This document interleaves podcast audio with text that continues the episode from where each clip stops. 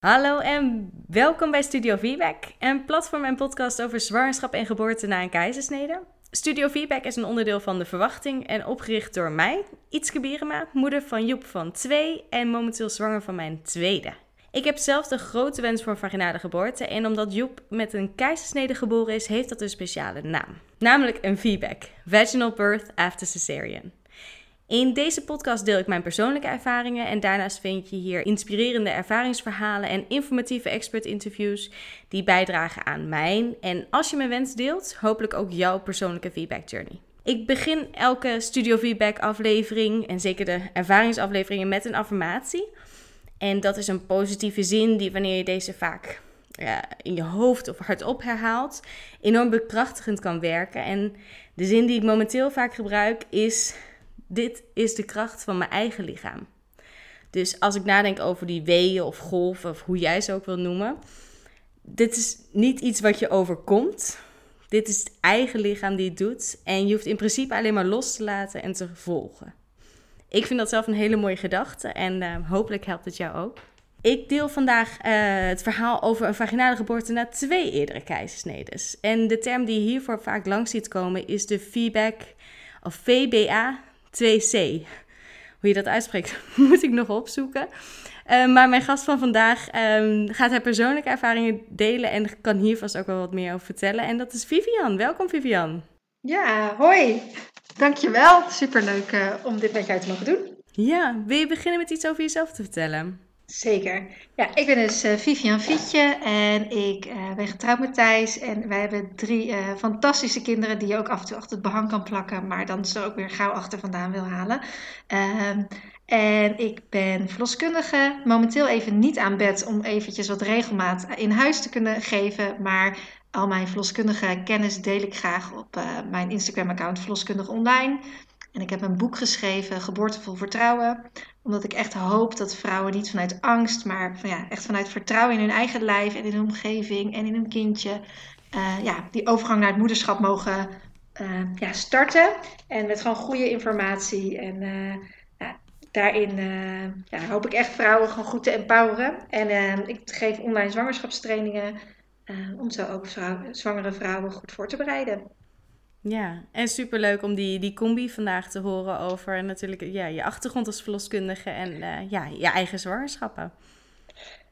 Nou, precies ja. ja. Want daar zaten inderdaad twee uh, keisnedes bij, uh, bij de eerste twee. Dus dat was wel even slikken toen. En, uh, en zodoende ook helemaal eigen geworden met dit onderwerp. Wat net ook al misschien even zo een beetje zei van... joh, dit is iets waar we waar je wel van weet dat het bestaat, maar als je er niet zelf iets mee te maken hebt, dan is het maar gewoon een soort gegeven van, oh ja, een feedback. Ik wist eerlijk gezegd in het begin ook nooit die afkorting, ook toen ik als verloskundige werkte niet zo. Dat is een beetje opkomen zetten. En toen denk ik, dacht ik, oh wacht, dat, dat ben ik, dat is wat ik wil. ja. Ja, dat gaat over mijn dus wens. Ah, het heeft een naam. Het gaat over mijn wens, ja, aha, ja, het heeft een naam, ja. Ja, ja. Dus, uh, en die, nou, dat het dan een feedback 2C is eigenlijk, ja, die, die uh, weet ik inderdaad wel dat het is. Maar ik weet ook niet hoe, hoe je die uh, uitspreekt, eerlijk nee. gezegd. Nou ja, het is meer... Een soort in het kwadraat voelt het bijna, hè? Ja, inderdaad.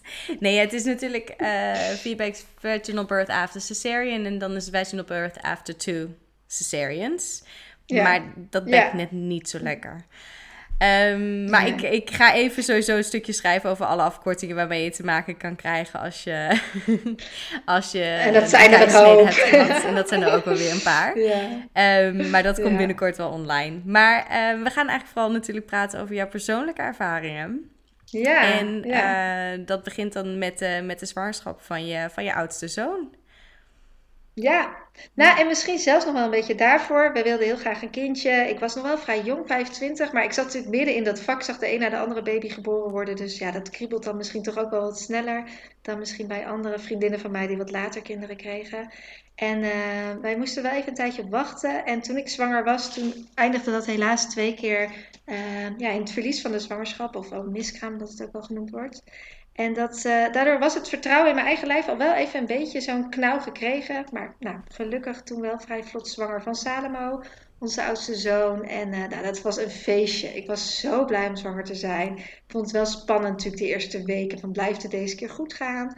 Maar nou, toen dat eenmaal eh, een beetje doorzette, ik vond echt... Ik weet dat ik op dat punt dacht, het is echt jammer als je een tweeling krijgt, want dan ben je minder vaak zwanger. Zo leuk vond ik dat zwanger zijn. Dat was Oh, zo, mijn lijf was daarvoor gemaakt bij de eerste. Echt, nou, echt een roze wolk. Dat was later bij de andere wel anders hoor. Dus als je dit nu luistert en denkt, oh help, dit herken ik compleet niet. In een andere zwangerschap kon ik daarover meepraten. Maar bij Salomo was dat echt, nou, ik voelde me helemaal tot mijn bestemming komen daarin. En eh, ja, ik ging me wel voorbereiden op die bevalling natuurlijk, want ik had natuurlijk veel bevallingen gezien. Ik maakte me vooral zorgen dat ik pijnstilling nodig zou hebben. Ik dacht, oh, dat, eh, wat als ik me niet voldoende kan ontspannen en die ontsluiting niet opschiet. Omdat ik door die miskraam ook wel, nou, ik was, ik was haptonomie gaan doen. En ze zei, joh, je hebt wel heel veel spanning in je bekkenbodem. En ze liet me op zo'n gimbal zitten. En ik kon dat eigenlijk voor geen meter aan. Want ik dacht, oh, dat is veel te wiebelig. Ik vind dat ook helemaal niks, zei ik zo. Doe maar gewoon. Ik wilde wel de baarkruk, had ik bedacht. Maar ik wilde vooral niet te veel gedoe. En zij heeft mij toen wel, hele lieve haptonoom, mij echt leren voelen en leren ontspannen. Maar daar dacht ik aan het eind van de zwangerschap heel goed in zijn te, ja, geworden. Maar dat viel echt nog wel tegen. Ik had toch nog best wel wat spanning in mijn lijf. En daardoor dacht ik ook wel, oeh, ja, die ontspanning is natuurlijk wel nodig voor een goede ontsluiting. Dus ik had vooral veel ervaringen om me heen van vrouwen die, waarbij de ontsluiting niet vorderde. Dus ik dacht vooral, oh, als, als ik maar voorbij die 8 centimeter een beetje zo kom, denk ik, de rest, dat komt wel goed. Dus zo ging ik die bevalling eigenlijk vol vertrouwen wel in. eh, qua dat ik denk, nou, als ik, dat stuk, die keisnede maakte ik mij toen helemaal geen zorgen over. Was ik heel nuchter in zo, nou, 10, 15 procent krijgt een keisnee. Nou, mijn kind ligt niet in stuit. Dus hij ligt niet verkeerd om. Dus, dus nou, dan zal het wel, wel goed komen. Een beetje zo, dan is de kans vrij klein. En ik dacht ook wel, als het nou lukt om zo te bevallen, dat ik in ieder geval, ik wilde heel graag thuis in bad en zo. Maar ik dacht, ik wist ook wel dat het reëel is bij een eerste dat je wel eens na de, tijdens de bevalling ja, naar het ziekenhuis moest. Dus daar hield ik wel rekening mee. Maar ik dacht, nou ja, als ik dan maar in ieder geval niet te veel bloed verlies en geen keizersnee, dan kan ik in ieder geval de volgende keer thuis bevallen. Zo was ik er eigenlijk al een beetje berekenend mee bezig. Dus ik dacht, nou, het moet gewoon niet te veel bloedverlies en niet te veel en, en geen keizersnee. Maar ja, goed, die kans is klein. Dus we gaan dit doen. zo, uh, zo zat ik erin. Ja, lekker positief ja. en optimistisch in ieder geval. En je wilde dus, dus thuis, dat ja. was wel het plan. Ja, ik wilde echt heel graag thuis en heel graag in bad. Want ja, ik had wel echt door, uh, ik denk dat ik toen zo'n 500 bevallingen begeleid had als verloskundige. En ik had daar wel echt de meerwaarde van gezien, van de rust en de sereniteit. En ja, ook de, dat het best wel schoon is in bad. Dat, heel veel mensen hebben daar zo'n heel bloederig beeld juist bij. Maar nou, dat is, omdat er zoveel water is en relatief zo weinig bloed, is dat heel sereen en schoon. Dus dat leek me voor mijn man ook wel fijn. En uh, die vond dat bad opzetten wel gedoe trouwens. Maar ja, ik zag dat wel zitten. En ik vind sowieso in bad zitten, deed ik ook altijd veel in de zwangerschap. Dus ik, uh, ik had, dacht, nou dat, dat gaat mij wel helpen. En uh, ja, en, en thuis wel, ik dacht, ik had dat in het ziekenhuis komen als het nodig is, dan, als het moet, dan ja, dat is prima. Maar ik echt de, de ruimte voor jezelf, je, toch wel de autonomie, dat je echt met jezelf alles kan beslissen wanneer je wat doet of zo. Dat voelde ik thuis wel veel meer. En ook gewoon, dan ben je net bevallen, moet je dan met hechting in je billen in de auto en zo. Dacht ik, nou, als het even niet hoeft, liever niet. Nee. nee. Dus uh, ja, ik had dat thuis als wel, uh, ja, had, wel echt een wens, ja. Ja, en hoe verliep je bevalling? Ja, nou, ik was dus heel lekker zwanger tot het allerlaatste moment. En uh, we hadden een buurtborrel, we waren net verhuisd, dus echt zo, we zaten een beetje half in de verhuisdoos, maar snel genesteld kamertje gereed. En toen hadden we een buurtborrel met de nieuwe buren. En daar hebben we tot één uur s'nachts zitten borrelen en ik met mijn colaatje. En uh, heel gezellig. En we waren thuis en mijn man die sliep direct en ik was door de cola nog veel te wakker. En, uh, en na een uur uh, braken mijn vliezen. En ik maakte mijn man wakker. Ik zei, schat, mijn vliezen zijn gebroken. Ik was eigenlijk best wel blij of zo van, oh, gaat het beginnen. En mijn man die was, echt, die was echt in zijn hele diepe slaap. Want die sliep nog maar net, weet je wel. En uh, die zegt, weet je het wel zeker? En ik echt zo, gast, ik ben verloskundige. Natuurlijk weet ik het zeker. En hij dacht vooral echt van, ja, dit komt nu niet zo heel goed uit of zo. Dus ik wil eerst even slapen. Maar ik was veel te hyper. En ik dacht, oké, okay, nou, het was helder vruchtwater. Ik dacht, oké, okay, dat is mooi. Dus dan ga ik nu in bed liggen en dan nog even slapen. En dan hopelijk dat morgen de weeën starten. Maar ik was ook echt, ik zat vol adrenaline. Ik dacht alleen maar, mijn kind komt eraan, mijn kind komt eraan. en, uh, en ik kreeg echt binnen no time weeën, maar echt als een malle. Dus ik dacht echt wel, wow. En ik zeg ook wel, ook in mijn boek schrijf ik dat, maar ook, dat zei ik toen ook wel veel als, als verloskundige van, joh, in het begin, die eerste weeën, moet je nog niet altijd serieus nemen. Ik had toen denk ik net een week daarvoor nog iets van een online nascholing gehad, waarin stond als je nou waterijsjes eet, dat is goed voor je speeksel aanmaken. En van, als je speeksel aanmaakt goed is, dat weer goed voor je oxytocine. Dus ik ging waterijsjes eten. En nou, ik zat helemaal hyper te doen s'nachts. Maar ik had echt de een na de andere wee al. Ik had allemaal romantische films klaargezet om die voorweeën voor mijn gevoel door te komen. Maar ik kon er echt niet op concentreren. En ik zag zo die minuten van die film. Dat was nog in de tijd van dvd-spelers en zo. Dat ik dacht, oh, dit gaat wel hard. Dit is, wel, uh, dit is al wel weer eentje.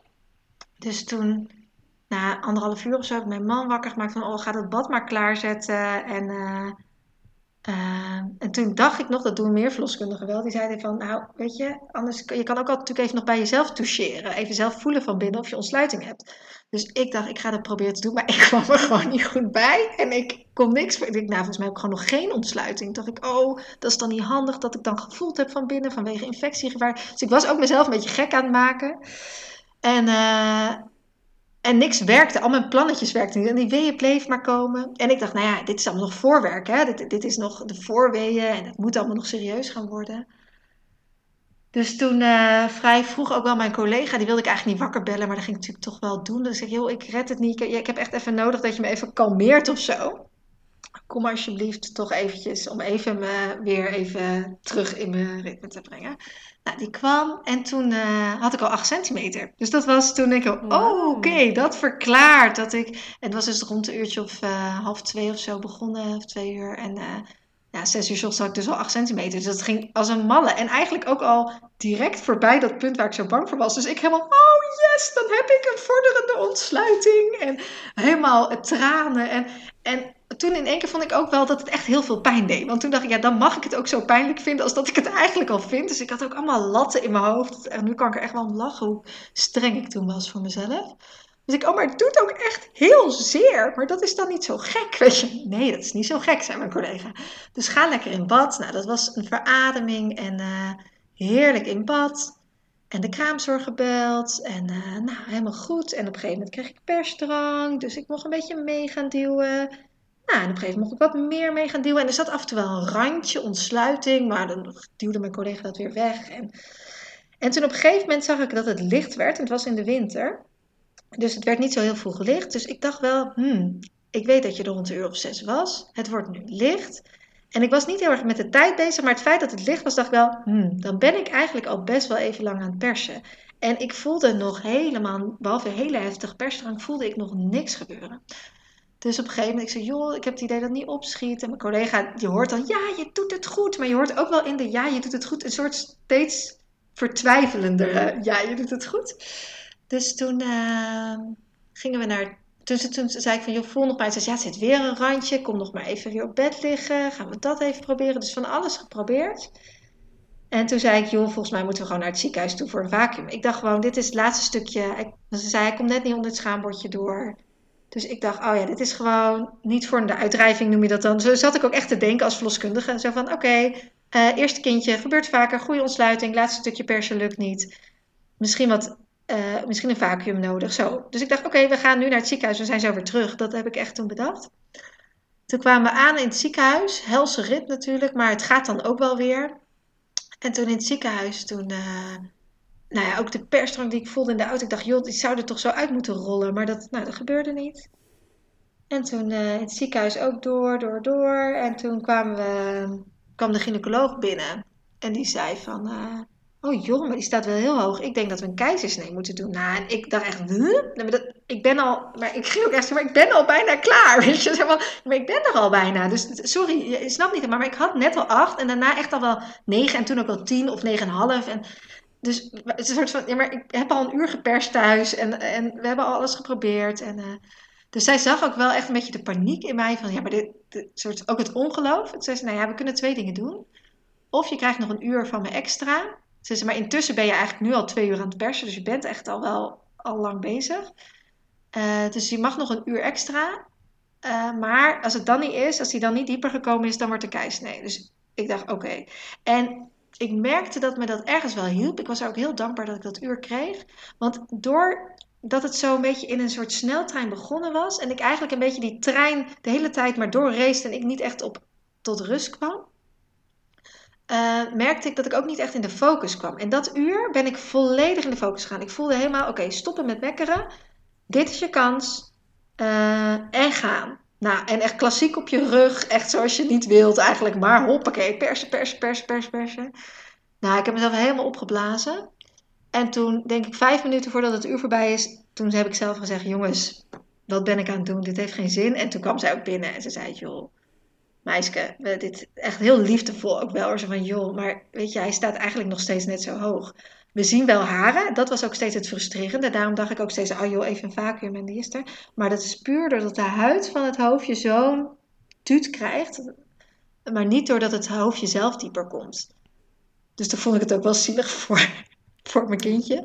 En toen gaven ze me weeënremmers, omdat ze toch ook wel zagen dat... Uh, hartslag wat naar beneden ging. En ik zei alleen maar, oh wat fijn, oh wat fijn. Ze zei, ja, het is meer voor je kindje. Maar ik was helemaal voor mezelf. Dat ik dacht, oh dan stopt het eindelijk heel even.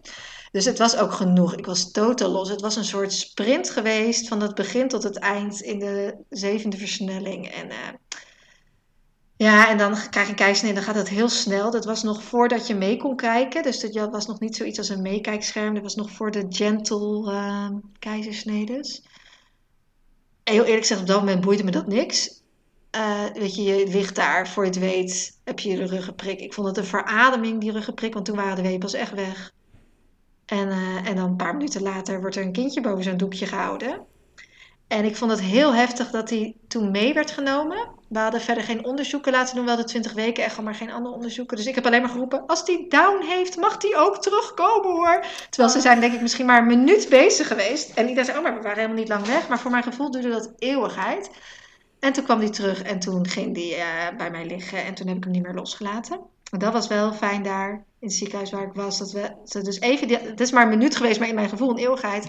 Maar daarna is Salomo gewoon bij mij op de borst gebleven, ook op de uitslaapkamer. En uh, ja, dat was heel fijn. En toen, ja, toen was hij er. En dat was uh, heel fijn en ook wel ik moest echt wel even bijkomen dat een keisnee was geweest. Ik vond mezelf ook heel zielig, weet ik nog. Ik weet dat ik bij ons bij zit, ik zit in een kerk, dat ik tegen iedereen tegen, in de app zei, jullie moeten allemaal maar voor mij bidden, want ik heb een soort dubbele bevalling gehad. dus ik vond mezelf heel zielig. Maar dat ging eigenlijk, dat herstel ging heel erg goed. En uh, ik wilde ook wel heel graag me heel goed voelen, maar het ging ook wel vlot. En uh, ja, ik moest vooral dan steeds denken van, oh help, wat is me nou overkomen? Dit had ik niet verwacht. Het was zo anders dan ik had verwacht. Dus was ik een beetje zo aan het nawazemen van, oké, nou, zo kan het dus ook. Ja. Ja. Ja, dat ene, dat dus, ja, relatief kleine risico voor jou, wat je dacht, ja, maar dat, dat kan, maar dat overkomt mij niet, dat gebeurde toch. Nee, Net dat in het laatste stukje voor de finishlijn. Ja, ja, precies. Ja, echt zo, ja. ja. ja. En inderdaad ook, ik was dus ook wel weer trots dat mijn lijf zo snel ontsloten was. Dus het was ook wel dubbel, dat ik dacht, oh, ik heb het eigenlijk heel goed gedaan. Maar hm, ja.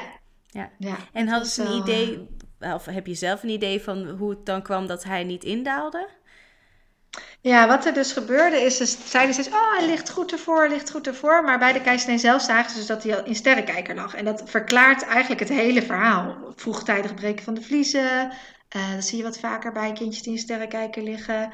Uh, en uh, vroegtijdige persdrang, een randje wat steeds maar terug blijft komen. En uiteindelijk inderdaad dus niet goed door het bekken passen.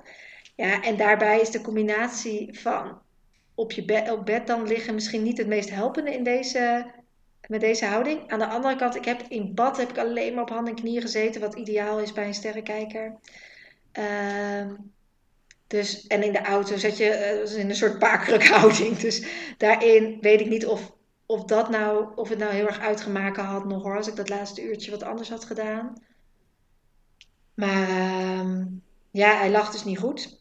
Ja. ja. Dus dat hielp niet mee. Nee. nee.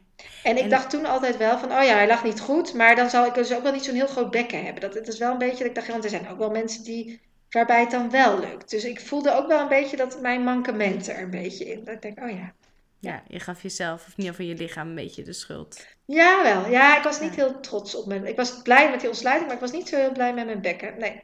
Nee. Nee. Oh, Nee. lastig. Ja. En hoe keek je naar een, een eventuele volgende zwangerschap en bevalling?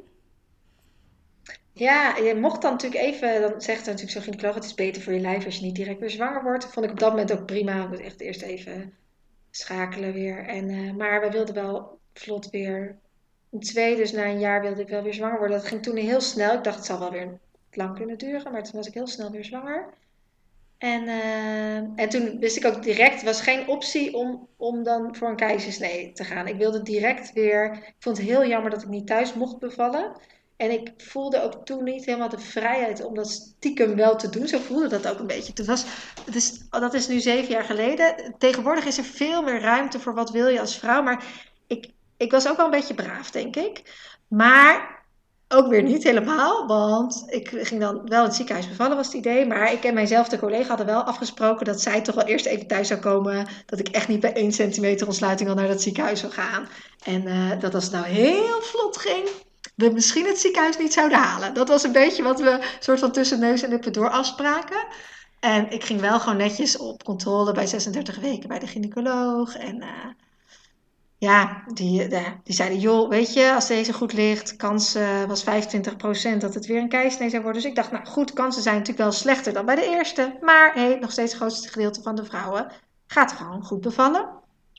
En toen weer naar de haptonoom gegaan. En toen kon ik veel, ik kende mijn lijf toen veel beter. Dus ik kon toen zelfs op de gymbal lekker ontspannen.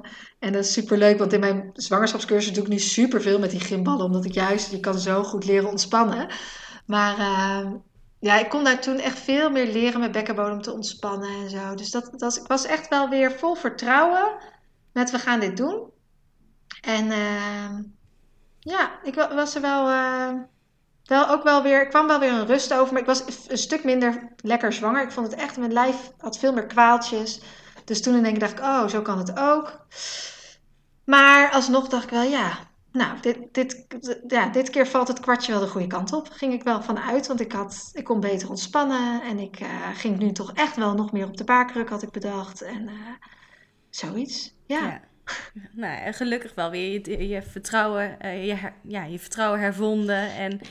En ook niet ja. die negatieve nasleep vanuit je lichaam. Dat je dacht van ja, potverdorie, mijn lichaam heeft het niet goed gedaan. Maar nee, ik heb een goede kans dat mijn lichaam het nee, wel weer goed doet. Ja, ja, ja precies. Ik, dacht, ik merkte dat ik toen nog wel een beetje dacht van ja, het is ook een beetje pech of zo. Je wilt het overal een bepaalde oorzaak aangeven. Je, je, ik kan me in het begin ook wel herinneren dat je even denkt naar je kindje van jongen, waarom ben je nou verkeerd gaan liggen? Toen denk ik, ja, je kan er ook niks aan doen. Maar, maar dat je het, en even bij je lijf. Maar het was ik kon er ook wel weer, denk ik, ja, weet je, het komt toch ook wel weer veel voor. Dus ja, zo. Ja. Ja, ja. ja. En hoe verliep deze bevalling? Was het weer net zo snel als uh, de ja, eerste nou, of was het net iets anders? Nee, het liep net iets anders. In die zin wel. Ik ging, de vorige ging drie dagen over tijd en nu ging ik vier dagen over tijd. En ik voelde dat ook echt aankomen. Ik weet dat ik bij drie dagen over tijd op de controle was in het ziekenhuis. En ze meten mijn bloeddruk. Zei, nou, het is nog heel mooi laag. Dit gaat voorlopig niet gebeuren. En ik dacht, jawel hoor. Ik ga bevallen vanavond of morgen. Ik weet het zeker. En iedereen was helemaal, oh, ben je nog niet bevallen? Want de vorige keer was je al. En ik dacht, rustig maar jongens, kom wel goed. Dus ik wist het helemaal. Ik voelde me heel dicht bij mijn lijf.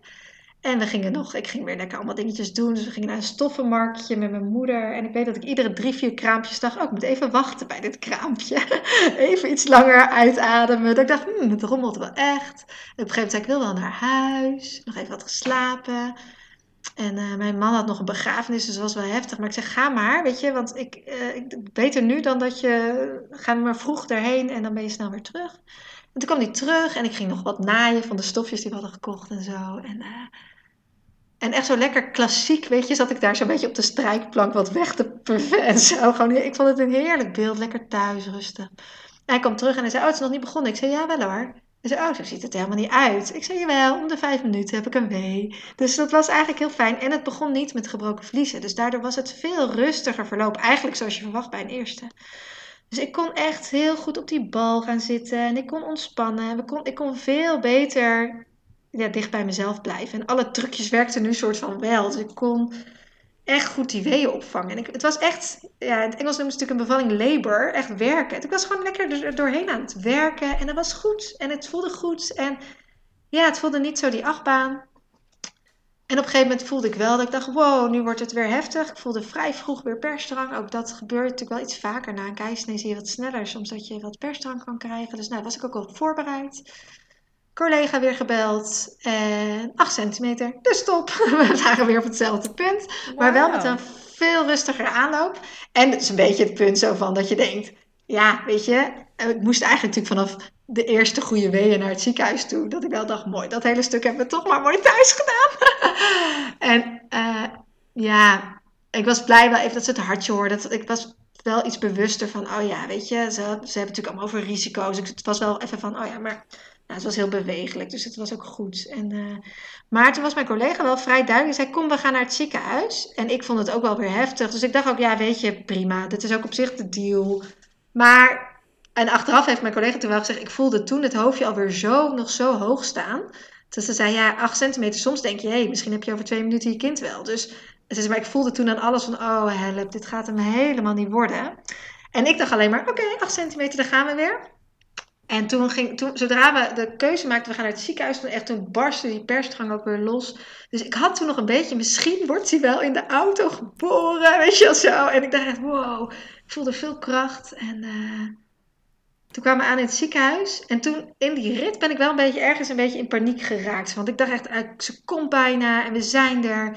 En toen kwam ik daar en toen zei ze, oh heel goed, ja, 7, 8 centimeter. dacht ik, 7, 8? Huh, maar ik, ik, mijn kind komt toch bijna? En uh, oh, staat nog wel hoog. Nou, alleen al die, dat zinnetje, dat kon me nog zo herinneren van die vorige keer.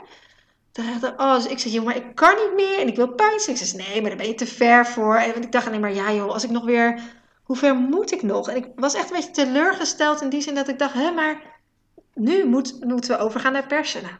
Ze nee, je moet echt eerst even... En ze vroeg, hoe lang ben je bezig? Ik zei, ah, nog maar net, want ik wil natuurlijk wel een beetje... Ze zei, joh, maar als je een uur naar 8 centimeter... dacht ik, ja, maar dat is eigenlijk niet helemaal waar, dat is meer 12 uur. dus zij dacht, ja, waar doe je moeilijk over? Je bent in een uur, heb je 8 centimeter. En ik wist natuurlijk, ja, maar dat is niet een uur geweest. dat is een uur geleden dat mijn collega bij me kwam, maar daarvoor was ik ook wel al lekker bezig. Dus ja, het ziekenhuis dacht een beetje, wat zit je nou te miepen? dus ze moesten me echt wel even weer kalmeren. En toen toch wel even lekker muziekje aangezet. Toch weer op mijn zij ben ik volgens mij gaan liggen. En dat mijn man me echt aankeek en we echt dat samen zo weer zijn gaan doen. Toen kon ik dat wel weer in de rust komen. En toen had ik uiteindelijk wel volledige ontsluiting. Maar het bleef weer hetzelfde verhaal. Steeds dat randje wat weer terugkwam. Ze dachten wel dat hij goed lag, maar ja, en uh, nou, we gaan maar even starten met persen. En toch maar niet, stop maar weer even. En steeds dat een beetje gehannes. Dat in de papieren staat dat ik efficiënt drie kwartier heb geperst. Maar voor mijn gevoel zijn we wel twee uur bezig geweest met even wel, even niet, even wel, even niet. Maar ik voelde gewoon helemaal niks gebeuren weer. En, uh, en ik ben toen ook niet meer op de kruk geweest. Dat vond ik toen heel jammer achteraf. Maar echt alleen maar klassiek op bed en... maar ook wel weer hele heftige persdrang. En, en later dacht ik ook wel, dit, dat, dat is echt een soort dichte deur persdrang. Dus je lijf die helemaal dubbel klapte en maar gewoon dat er geen vordering is. En dat maakte die persdrang zo pijnlijk. Want ieder, dus je hoort veel vrouwen zeggen, oh het was echt een opluchting. Ik vond dat bij de eerste twee echt een verschrikking. Ik klapte echt helemaal dubbel. Ik kon daar echt niks mee. En uh, dus ik was ook toen vrij snel wel dat ik dacht, ja, ik voelde zo'n herhaling van zetten. Dat ik echt dacht, jongens, wat zijn we aan het doen? Verlos me. Echt, ik, dit, heb ik nou weer net al die uren voor niks gedaan? Dus toen kwam weer de gynaecoloog en die zei, nee joh meisje, dit wordt hem niet. Ook weer zo heel lief betuttelend, maar wel lief. Uh, hij zei, joh, dit, dit is helemaal geen discussiepunt. We gaan een keisnee doen. En het was ook wel toen niet de vraag van ga je nog een uur extra proberen. Maar ik denk ook dat ik op dat punt er niet meer voor te motiveren was. Ik had zo'n pijn en ik was er zo klaar mee. Nou ja, dan gaat het hele riedeltje weer hetzelfde. Alleen toen wel met een meekijkscherm. Dus dat vond ik toen heel fijn. Dan heb je toch echt iets meer het gevoel dat dit jouw kindje is die uit je buik komt. En niet een willekeurig kind wat ze echt vandaan halen. Ook al is dat gewoon een soort mindfuck. Maar dat zit er wel echt op zo. Dus ik vond het dat zo helpend dat ze gewoon je eigen kind boven je gehouden wordt. Joh, en dat was natuurlijk mijn tweede. Dus die ging hoppakee direct aan de borst op de OK. En heerlijk. Dus ik was heel blij dat het weer voorbij was. En toen tegelijkertijd ook wel heel verdrietig dat ik denk het gaat me dus nooit lukken. En uh, dat ik denk, oh, ga ik dit dus nooit meemaken? Want dat was wel heel erg het idee van, ja, twee keer keisnee, altijd keisnee. Dus enerzijds een stukje opluchting, ik hoef nooit meer die ellendige persdrang. En anderzijds ook wel dat ik denk, oh, ik ga dus nooit weten hoe het is. Dat was een beetje, dat, wel een soort sluiertje over die kraambeek. En ook wel in die periode daarna hing. Ja. Dus dat, uh, ja. ja. Dus dat zo was nummer twee. Ja. Nee, ik kan me ook zeker voorstellen als, als verloskundige, dan heb je natuurlijk ook gewoon een passie voor geboorte en je wordt er veel mee geconfronteerd en dan denk je, oh, Misschien nog lastiger. Nou ja, is iedereen lastig als je die wens heel erg hebt en, en het gaat niet zo. Nou, ik moet soms echt wel uh, een traantje wegpinken als je dan zo'n hele mooie, simpele bevalling. Even simpel, het is nooit simpel, maar weet je, een soepele bevalling. En dat je soms wel dacht, waarom is me dat niet gegund of zo? Of wat maakt nou dat mijn lijf dat dan niet doet? Of waarom gaan mijn kindjes, want ook bij Linde was hetzelfde verhaal, dat ze bij de zeiden, oh, ze ligt toch verkeerd om, is het als sterrenkijkertje. denk je, waarom doen mijn kindjes dat nou? En nou, dat soort vragen, die houden je dan wel bezig. En die, daar krijg je ook niet helemaal een antwoord op. En je krijgt er rust over, maar je krijgt er niet echt berusting in. Het, is, het blijft gewoon een rauw randje. En dat is, ja, is jammer. En het is ook niet meer dan dat, want het is maar de weg naar je kinderen toe. En uiteindelijk ben je super blij dat er keizersnedes bestaan en dat je je kind in je armen hebt. Maar het is wel, ja, ja, als verloskundige werkt het zo vaak mee dat je een kindje als eerste aan mag pakken. Maar het liefst laat ik nog ouders zelf hun kindje aanpakken. En dat ik ga dus nooit mijn eigen kindje zo aan kunnen pakken. Nou, dat, ja, ik kan daar met terugwerkende kracht, ook als nu terugkomt, dat dat gevoel kan ik nog steeds voelen. Dat ik denk, oh, dat vond ik zo verdrietig, dat ik ja. dat vooruitzicht. Ja. ja. Ja, ik kan me heel goed voorstellen. Ja.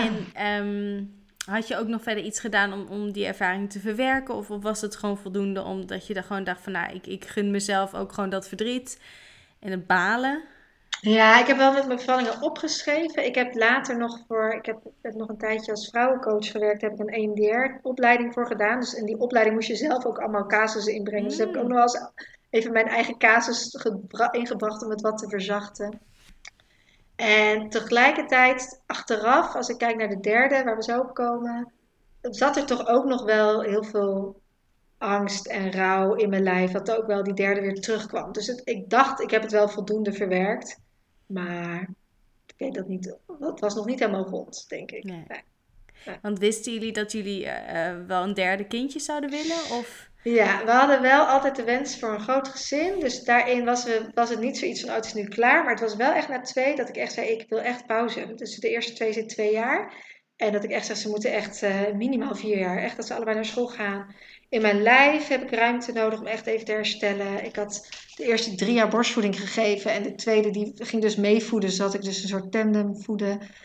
Ik, ik, zei, ik wil gewoon een tijd dat ik... Ik ben straks vijf jaar lang of zwanger of borstvoeding aan het geven. Ik wil gewoon hormoonvrij even weer zijn of mezelf zijn daarin. Even weer voelen van, oh ja, wie ben ik ook weer? Dus dat was goed. Maar dus daarom wist ik, we moeten hier wel weer wat mee, maar voorlopig niet. Dus dat heb ik ook heel lang op de lange baan geschoven. En dan af en toe kwam die gedachte van, oh ja, ja, wat nou als we de volgende keer, ja. Zo. Ja. ja. ja. En toen op een gegeven moment kwam, kwam deze zwangerschap voorbij. Ja, ja.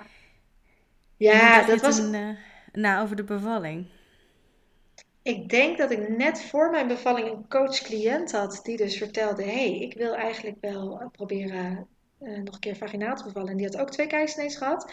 Waarop mijn reactie was, maar we, dat kan toch helemaal niet? En ze zei, nou, uh, ik begreep van een gynaecoloog, ik weet niet meer waar zij was geweest, of ze nou in Amsterdam was geweest, of ook in Utrecht.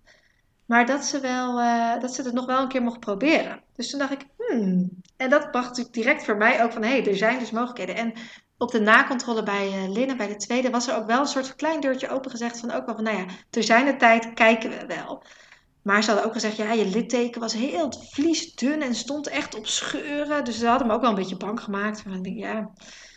Dus, uh, dus ik wist wel van, nou ja, er is, het is een gesprek waard. Maar ik wist ook dat punt nog niet helemaal, wat wilde ik nou echt? Ik wilde vooral niet meer die hele heftige bevalling. Ik wilde ook geen keisnee meer. Maar ja, ik wilde wel nog een kind. Dus, en zodra je dan zwanger bent, dan weet je ook, oh ja, dat moet er ook een keer weer uit. En toen ben ik met Marieke van Schellingen gaan praten, een holistische verloskundige in Culemborg. En zij uh, had heel veel ervaring ook met uh, begeleiden van bevallingen na keizersnedes. En zij, uh, zij is echt bij mij gaan vragen van, joh, maar wat is jou, nou jouw wens? Dus niet zozeer vanuit de angst van wat kan en wat mag, maar wat zou, jou, wat zou je het allerliefste willen? En, want toen zei ik ook, nou ja, wat we ook nog kunnen doen, zei ik. Ik, zei, ik had allemaal ideeën bedacht. Een van de ideeën was, ik doe gewoon... Ik, ik had heel erg een aversie tegen zomaar een geplande keisnee. Wat dan wel het effect zou zijn als je zou kiezen voor een keisnee. Dat je zomaar een kind uit die buik trekt. Dat vond ik zo tegennatuurlijk. En uh, ook omdat ik altijd wat over tijd ga, dacht ik, ja, dat wil ik gewoon niet. Dus ik zei, wat nou als we dan gewoon, uh, gewoon een, uh, afwachten wat er gebeurt. En dan zodra ik enigszins weeën krijg, doen we direct een ruggenprik. Dan heb ik gewoon helemaal geen last van die bevalling. Beetje wishful thinking, want ik wist ook wel beter. Maar goed, dan dacht ik dan hebben. En dan zien we wel of die goed gaat liggen. En als die goed ligt, gaan we persen. En als die niet goed ligt, doen we een keisnee. En toen zei Marie heel terecht, maar is dat jouw wens? Is dat wat je graag wil? zei ik, nee, ik wil het gewoon meemaken natuurlijk. Ik wil het gewoon. Oké. Ik zei, maar ik denk dat dat niet lukt. Ik zei, misschien blokkeerde ik mezelf wel. Was ik te veel in paniek, lukte het daardoor niet. Want, ik ging ook wel heel erg bij mezelf zoeken. En toen zei ze, nou ja, ik denk dat als jij goede begeleiding krijgt, dan is het misschien wel. Eh, en je gaat je lichaam goed voorbereiden hierop. En je gaat je, ook je lichaam helpen te verwerken wat er gebeurd is de vorige twee keren. Ja, weet je, ze zei natuurlijk, als er echt een herhaling van zetten is, ik weet dat dat steeds dat zinnetje, een herhaling van zetten, als dat gebeurt, een lichaam wat keihard weer die persdrang maakt, tegen een dichte deur aanslaat als het ware, ja, misschien moet je, moeten we dan de grens van jouw lijf daarin echt wel volgen. En dat is verdrietig, maar dat is voor jou anders traumatisch om daar doorheen te gaan. En je lichaam geeft daar echt wat mee aan. Maar wat als dat niet gebeurt? En dat is ook wel een beetje wat ik voelde. Ik denk, ja, mijn kinderen waren steeds zo rond de 4 kilo, soms iets erboven dacht, wat nou als ik nu een klein kindje krijg uh, van 3500 gram die goed ligt. En ze zeggen bij de keizersnee, oh, deze lag wel goed. Ja, dat zou ik zo balen. Dat zou ik eigenlijk niet, nou, een beetje dramatisch daar had ik niet mee kunnen leven. Waarschijnlijk had ik dat ook wel weer gefixt. Maar... Dus zij kwam echt wel bij de kern van, ja, wat, wat is nou echt je wens? En toen zei ze, nou, dan zou ik gaan praten in het Diakonessenziekenhuis. Daar hebben ze meer ervaring met bevallen, ook na twee keizersnedes. Zij heeft me naar een osteopaat verwezen, die... Uh, ook zelf een vrouw had gehad die na twee keizersnedes uh, bevallen was. Dus die had echt wel een beetje, nou, het is geen specialisatie, maar die had zich er wel in verdiept en echt goed gekeken naar wat in je lijf. Kan misschien toch blokkades zijn geweest. Uh, ik ging heel veel doen met spinning babies. Dat was een nascholing die ik als verloskundige gevolgd had. Uh, na de laatste twee. Dus dat wist ik allemaal aan informatie nog niet. Dus ik leerde wel veel meer over symmetrie in je bekken. Over dat het bekken bewegelijk is. Over uh, oefeningen die je in de zwangerschap al kan doen. Om dat bekken soort van klaar te maken. En daar ben ik echt wel heel erg mijn huiswerk gaan doen. Dus echt wel... Uh, mijn man met de Rebozo doek s'avonds. En uh, echt wel in de weer. Ik kon die training mocht ik nog een keertje herhalen bij Jennifer Wolker. Dus dat was fantastisch. Mocht ik als zwanger proefmodel. Heeft ze me de hele dag gebruikt. En ik was dus helemaal lekker in balans na die dag. Uh, ja, en, en dus zo me bezig met voorbereiden. Ik ben naar een psycholoog geweest. Ook om gewoon het mentale stuk van... Hé, hey, wat zit er nou gesprekken bij de gynaecoloog. Dat ik, want een alternatief was bijvoorbeeld een geplande keizersnee waarbij je zelf het kindje mag aanpakken, een mother assistant keizersnee. Ja, op een gegeven moment dacht ik ook wel van ja, weet je, dat, dat is ook heel mooi. Dan heb ik alsnog dat moment dat ik mijn kindje aanpak. En dat, als we, dat kunnen we nu gewoon inplannen. En dus dat heb ik soort van. Dus ik zet ook wel iets op het spel. Want als ik wacht op een keizersnee, die, of, op een bevalling die uit zichzelf start, dan kan dat niet meer. Want dat doen ze niet. Dat doen ze alleen maar bij gepland. Dus, nou, en waarop Koen Deurlo, die gynaecoloog, ook zei van... Ja, maar Vivian, ik wil dat echt met je inplannen. Maar volgens mij is dat jouw second best. Dat is niet jouw wens. Ik zei, nee, dat klopt. Ah. En soms bijna, dat ik bijna dacht, oh, stel het maar voor. Want ik vond het ook wel heel spannend door. Ik dacht oh, ga ik nou echt die achtbaan nog een keer in? Ga... En hij zei, was ook gewoon eerlijk. Mijn kans dat het zou lukken was 25 tot 30 procent. Dus dat is echt gewoon niet zo heel erg groot. Maar ja, het was niet nul, weet je wel. Dus het was ook een beetje hoe je het zag. Was het glas half leeg of half vol? En toen, uh, dus ik was wel vol vertrouwen, maar ik had echt een hele pittige zwangerschap. Ik had, bij de andere kwam ik nauwelijks gewicht aan, maar hier kwam superveel vocht aan. Ik denk dat ik echt wel 20 kilo aangekomen was. Ik herkende mezelf niet terug in de spiegel. Ik voelde me echt als een walrus door het huis schokken. En terwijl ik thuis dacht, ook oh, moet fit zijn voor die bevalling. En zo lukte het me toch nooit. En ik was ook echt wel emotioneel. Ik vond het gewoon heel spannend. Ik vond het, ja, we gingen laatst hebben mijn man en ik geparachute gesprongen. Uh, met drie meter, drie kilometer met vrije val en zo. En ik voelde die spanning. Ik dacht, dit is precies de spanning toen ik in het vliegtuig zat van die bevalling. Dat je weet, er gaat iets heel tofs, maar ook iets zo engs gebeuren. Ik zei, dit heb ik toen gewoon weken gevoeld, zei tegen mijn man. Hij zei, wat erg? Ik zei, ja. Terwijl het daarna heel goed was. Maar dus zo, het was echt wel een psychische ding. En ook omdat er Ik kende dus één iemand die het geprobeerd had waarbij het niet gelukt was. En verder kende ik niemand. En behalve alleen maar dus nu van dan de osteopaat en dan van, die, van, de, van Marieke de Verschellingen, de, de, de holistisch verloskundige van hé, hey, er zijn voorbeelden, maar ik had niemand in mijn omgeving. Dus ik dacht, ik ben echt gek. En mijn collega's, die waren ook wel een beetje van, nou ja, goed, een gunnetje van harte, maar ja, die kansen zijn gewoon flut. Moet je dit wel willen? Waarom doe je dit? Maar je moet toch eigenlijk een keizer. Is het niet spannend? En dat litteken was al zo dun. Dus al die doemscenario's vlogen door mijn hoofd. En toen ging ik over tijd. Nou, dat was ik gewend. En ik dacht zelf, nou, de eerste keer drie dagen over tijd, de keer daarna vier dagen. En bij Linda had ik dat zo heel goed aangevoeld. Dus ik dacht weer, ik voel dit wel goed aan. Bij vijf dagen over tijd zou ik nu gaan bevallen. Maar er gebeurde niks. En bij zes dagen gebeurde niks. En bij zeven dagen gebeurde niks. Het ziekenhuis vond het op een gegeven moment ook wel spannend worden. Want ja, eigenlijk doen ze dan liever niet verder dan 41 weken als je een keisnee gehad hebt. Maar ja, er was eigenlijk ook geen tijd meer om iets anders in te plannen. Dus ja, dan lieten ze me maar. Maar dan moest ik bij 42 weken toch echt wel een geplande keisnee. Maar dat kon dan geen mother assistant meer zijn, want daar was niet meer op het rooster. Nou, dus ik voelde echt als een zwaard van Damocles boven mijn hoofd hangen. Van als ik nu niet ga bevallen, dan heb ik straks een soort van de slechtste scenario. Een geplande keisnee waarbij ik ook mijn kindje niet zelf kan aanpakken. Nou, ik zei, ik ga het gewoon niet doen. Ik ga er gewoon niet heen. Maar ja, je voelt ook wel van, ja, het moet wat. Tot ik uiteindelijk 41 weken en 4 dagen over tijd was. Nou, echt, als je dus al psychisch, ja, maar zeggen, je, je op je tandvlees loopt, dan is echt iedere dag er één te veel. En toen, uh, en toen braken mijn vliezen. Aan het eind van de dag, ik weet nog dat het een dag was, we gingen Sinterklaas cadeautjes alvast maar kopen. En ik had allemaal rustig aan steeds dingen gedaan. En geprobeerd te rust houden. En die dag ik zei, het kan me allemaal niet meer schelen. We gaan gewoon nu...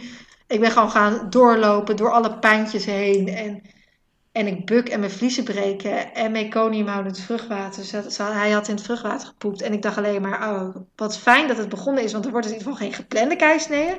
Maar tegelijkertijd, oh shit, gebroken vliezen. Dat is niet gunstig. Waarschijnlijk ligt hij niet goed. Uh, dat wordt weer een sneltrein. Uh, dat had ik natuurlijk geen goede ervaringen mee met Sadero. En in het vruchtwater gepoept. Dus ik dacht, ja, we komen straks aan het ziekenhuis. Ze zeggen, ja, weet je, met en voorgeschiedenis van de keisnee en in het vruchtwater gepoept, dat is vast 1 en 1 is 2. Dus ik dacht, ja, dit wordt een keisnee. En ergens was ik ook wel een beetje opgelucht. Ik dacht, dan is het maar klaar. Ik was zo kapot. En we gingen naar het ziekenhuis toe. En uh, Marieke van Schellingen zou erbij zijn als dan een soort doula-verloskundige. zou ze misschien ook handelingen mogen doen, maar dat was een beetje in discussie. En uh, nou, dus wij gingen daarheen. En ik dacht, nou weet je, bel anders Marieke nog maar niet. Want dat is toch direct, als ik direct doorgereden word op de OK, is het een beetje zonder vaar als ze naar bed uitgebeld wordt. En uh, noem maar op. En, uh, en we komen daar aan. En het duurde even voordat iemand kwam. Ze zei, nou ga eerst maar even de wee opvangen. En ik kreeg direct alweer persdrang. Dus het was echt weer niet te doen. En ik dacht alleen maar, dit moet stoppen. En ik dacht echt, dit is ook niet eerlijk. Ik krijg zo meteen een keizersnee. Dit heeft geen zin. Stop hiermee. Dus toen op een gegeven moment heb ik iets heel ergs gedaan.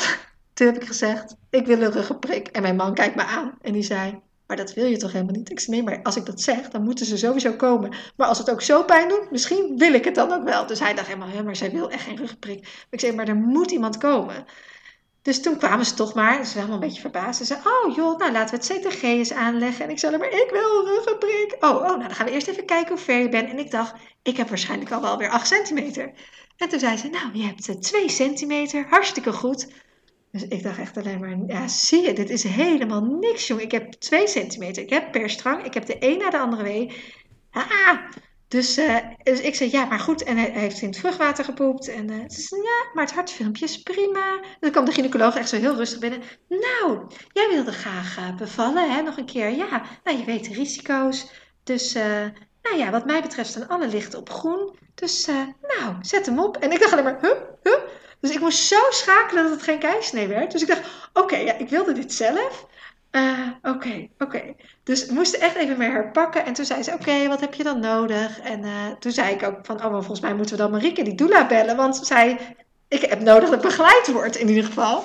En uh, dus onder de douche, op de gimbal. En Marieke kwam eraan. En toen was het wel echt heftig. En zij is toen echt met mij gaan kijken van, Vief, wat heb je nu nodig? Gaan we hier een bad regelen? Wat heb jij nodig om straks je te kunnen overgeven aan dat persje? Want ik heb je straks nodig bij dat persje, zei ze. Dus, en we gaan er gewoon voor. En ik had bij de psycholoog zo geleerd om mezelf, mijn lijf te accepteren. En ook mijn om wat zachter voor mezelf te zijn. En ik had zo in mijn hoofd zitten dat een ruggenprik falen was. En ik wist natuurlijk dat dat dan, dan lig je stiller. Dat is niet echt heel handig als je natuurlijk wil bevallen. En toen heb ik echt met tranen gezegd, ik wil toch echt een ruggenprik. En dat was zo'n bevrijding wat van me afviel. Toen moest ik alsnog een uur wachten, want de anesthesist was bezet. Dus dat was even minder. Maar ook dat lukte. En toen kwam die ruggenprik. En dat was echt, ik heb alleen maar zitten huilen toen hij erin zat. Zo van, wat, dat ik mezelf dit gegund heb. Want ik wist, als ik die ruggenprik nu heb, heb ik ook. Het is een veel fijnere manier van pijnstilling na de keizersnee. Want ik had bij de andere twee morfine als pijnstilling na de keizersnee. Ik werd daar helemaal wappie van. Ik, ik, heb, ik, kan ook heel weinig herinneren van die. Het eerste uur kan me veel van herinneren, maar daarna is het één soort waas. Dus ik wist, nou, als ik nu die ruggenprik al heb, kan die aan blijven staan als pijnstilling daarna. Heb ik geen morfine nodig. Dus daarin is het gewoon slim. Maar het was zo fijn dat ik mezelf toestond dat ik niet weer door die achtbaan moest, wat ik al twee keer had gedaan. En, uh, en dat die persdrang wat minder werd. Ik voelde nog wel de drukker doorheen, maar niet meer dat dubbelklapgevoel. En ik kon dus echt even ontspannen. En ik kon, daar ontstond eigenlijk een beetje het herstel van... Accepteer nou maar zoals het gaat. Je hebt het eigenlijk compleet niet in de hand. En, nou, en voor mijn lijf was dat het meest liefdevolle wat ik dat moment kon doen. Dus ik was ook heel verbaasd. Ik zei, oh, ik heb het gedaan! Ik heb het gedaan! en... Uh, ja, dus dat was heel bijzonder. En toen op een gegeven moment kwam af en toe het ziekenhuis wel een beetje, ja, mensen van het ziekenhuis wel binnen met zijn dan aan het persje, want zo ziet het er wel uit op het hartfilmpje. En oh nee, we waren vrij relaxed. En die ontsluiting vorderde wel naar acht, naar negen. En, uh, maar we waren nog niet aan het persen. En op een gegeven moment werden ze een beetje zenuwachtig, want die hartslag ging niet zo goed. En ik was me daar door de rugprik wel heel bewust van. Bij die andere twee was ik daar helemaal niet mee bezig. En nu dacht ik wel, ik voelde heel erg de verantwoordelijkheid. Want ik dacht, ja, ik wilde nog een keer bevallen. En straks gaat het niet goed, doordat ik dit zo nodig wilde. En dat was natuurlijk ook wel een beetje wat je soms uit de omgeving wilde. Van ja, maar wat is best voor je kindje? En, dus ik dacht wel van, oh, het zal toch niet dat er nu iets met mijn kind gebeurt omdat ik dit nu zo nodig wil. Dus op een gegeven moment zei ze wel van, ja, weet je, we hebben eigenlijk niet zoveel tijd. En ik voelde op zich ook wel, ja, op zich zei toen Marike ook wel van, joh, maar ik zie ook dat je volledig ontsluiting hebt. Dus we kunnen wel gaan persen als jullie dat graag willen. Maar ja, mm. en toen mocht ik met de ruggeprik aan gaan persen. En toen had ik twee keer geperst en toen kwamen ze eigenlijk direct weer binnen met: Ja, hij moet er nu uit. Uh, en ik dacht alleen maar: Ja, dat, dat gaat dus niet worden, want we moeten nog minimaal drie uur gaan persen of zo. Uh, en toen zei ze: Oké, ik ga je voelen. Oh, hij staat al wel diep. Oh, dus ik zei: Ja, en hij lijkt ook goed te liggen. Toen dacht ik: Ja, dat zeggen jullie elke keer, maar goed.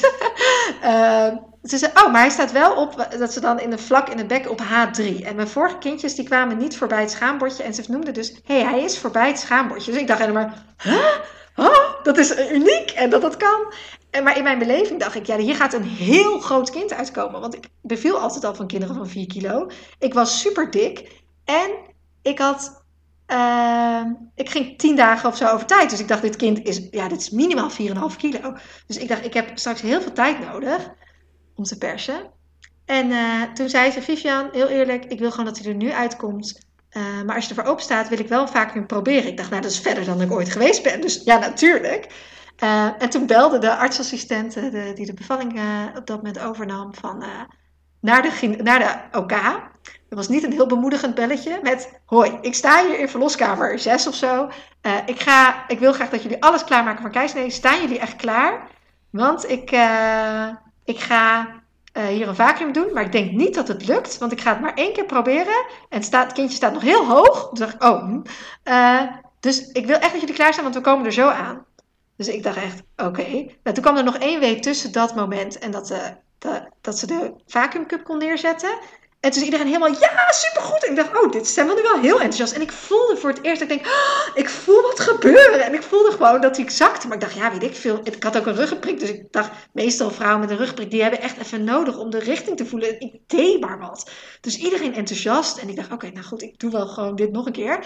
En toen uh, zette ze de vacuüm op. En met één week kwam die. En kon ik hem overnemen. En nou was ik alleen maar aan het huilen met, oh, en gaat het allemaal goed? En gaat het allemaal goed? En gaat het allemaal, leeft hij nog? Ja, en hij ging lekker huilen. En, nou, en ik dacht alleen maar, en ik zei alleen maar, het is gelukt, het is gelukt, het is gewoon gelukt, het is gewoon gelukt. Dus het is echt, uh, ja, dat was bizar. En ook weer zo'n, weer een achtbaan, maar wel weer zo'n andere achtbaan. En, maar hij was er in één keer. Dus voor mijn gevoel moesten we net gaan beginnen met persen en toen was het al klaar. En het voelde ook een beetje als, nou, vals ben ik niet, maar ik was helemaal aan het voorbereiden. Of, nou, dan komt zo meteen dat moment.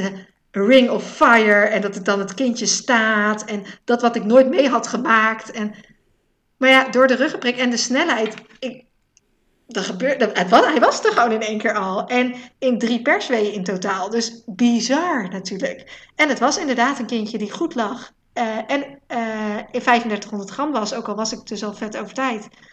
En ja, die gewoon zo lekker geboren wilde worden. En die ik aan kon pakken. Dus nou, bizar. Ja, Fantastisch, Ja. echt. Wat gaaf. Ja, maar dat hè? je ook dus dat moment wat je eerder dus niet had, dat je dacht van ja, ik ben wel aan het persen, maar ik weet niet. doe maar wat. Ja. Nee, En nu had je zelfs met de ruggenprik, voelde je hem gewoon ik voelde komen. van mijn kind komt eraan. gaaf. Ja. nou dat is het ook. Het is, en dat is ook heel bekrachtigend. En ik denk dus ook als je, ook als je een eerste keer bevalt, als je gewoon gaat bevallen en je voelt wat mijn lijf doet, ik kan samenwerken met mijn lijf, dan, dan is dat zo fijn. Ja. En dat, dan is het dus helemaal niet zo erg om te persen. Maar ja, dat is als je dus merkt en ik zit echt tegen die dichte deur aan, ja. Ik had denk ik achteraf bij de eerste al, al veel eerder mogen luisteren van hé, dit wordt hem niet. Maar ik had ook nodig dat ik dat toen voor mijn gevoel alles uit de kast haalde. Ja, tuurlijk. Ja, maar bij de andere ging dat dus heel anders. Ja, Ah, wauw. Wat gaaf. En ook Ja. heerlijk zo'n team die zegt van, "Oh, ja, ja, ja. dat is toch net even die extra push nog. Ja, zeker. Ja, en ook, wel, ook daarin wel de focus dat ik dacht, oké, we moeten nu echt alles geven. En, en mijn man had zijn schoenen al wel weer aangetrokken van, nou dan gaan we weer naar die OK. Maar omdat het was een beetje OK heb je en dat, dat, dat kan sowieso. Maar dit is misschien nog, ja, was het gewoon heel kicken dat het ook lukte. Ja. Ja, ja, Ja. super En wat ook nog wel leuk was, was nog een kleine discussie van, oh, wel of niet met knip dan, want dat leek me natuurlijk ook helemaal niks zo'n knip. Dus we hadden uitonderhandeld dat het toch zonder knip ging. Daar zorgde de doula ook echt voor. Dat was super fijn. Zij zei echt, mevrouw wil liever geen knip. Ja, maar met deze snelheid. Ja, maar ze wenst toch echt liever geen knip. Toen zei die gynaecoloog, nou, dan moet ze het zelf maar weten. Ja, en dus een klein scheurtje, maar verder geen totaalruptuur, nergens Oh. last van. Dus ook daarin, weet je, dat soort momenten dat iemand even voor je opkomt. En eh, dat was zo fantastisch. En daarmee, want met een knip heb je natuurlijk ook echt nog wel een flinke jaap en eh, een wond zitten. Maar daardoor was nu ook het herstel. Weet je, ik was gewoon, ook die dagen na, ik ging wel weer veel te snel. Maar het feit dat ik gewoon mijn kind zelf uit bed kon pakken. En dat ik zelf uit bed kon stappen. En dat ik kon gaan douchen na mijn bevalling. Ja, ik vond het echt allemaal fantastisch. Ja, Ja, ja. ja dat herstel Omdat is je gewoon weet hoe het anders anders. kan. Ja. Ja, Ja, en zeker Ja. met de derde waar je al twee andere kindjes hebt rondlopen. En gelukkig zijn ze dan wat ouder. En, en heb je niet een, een klein peutertje die eh, echt met de handjes omhoog staat. van, Nee, "Mama, ik wil je precies. pakken." Maar ja, precies. Nou, dat. Ja, nee, echt fantastisch. Super mooi. ja, ja dus horen. het kan echt. Het kan echt. Ja, zelfs na twee keizersnedes. Ja. Ja, ja. Ja. Nee, en, en ik denk ook heel goed eh, dat ook al had je verschillende scenario's, dat je toch dacht van nou, die, die caseload-verloskundige of die, die vroedvrouw, die is er sowieso bij. En die kan jou dus bijstaan hoe dan ook nodig is op dat moment. En dat is ook dus gebleken Ja. hoe fijn dat is. Het was echt heel fijn dat iemand die gewoon ervaring had met dat het ook goed kon gaan. En er ook vertrouwen steeds in mij uitsprak. Dus steeds meer zei, maar ik geloof wel dat dit kan. Ik zei steeds, oh het gaat niet lukken. Dit is een voorteken dat ik weer die persdrang heb. En zij zei, nou dat kan, maar dat hoeft niet. Ja. Gewoon ook een beetje weer neutraliseren of Ja. zo. Van, oh ja, angsten. Ja. Ja. En jou dus ook echt heeft uitgedaagd om echt te onderzoeken van wat wil je nou echt? Wat is die wens dan? Wat is die droom? eh, Ja. En hoe ziet dat scenario eruit?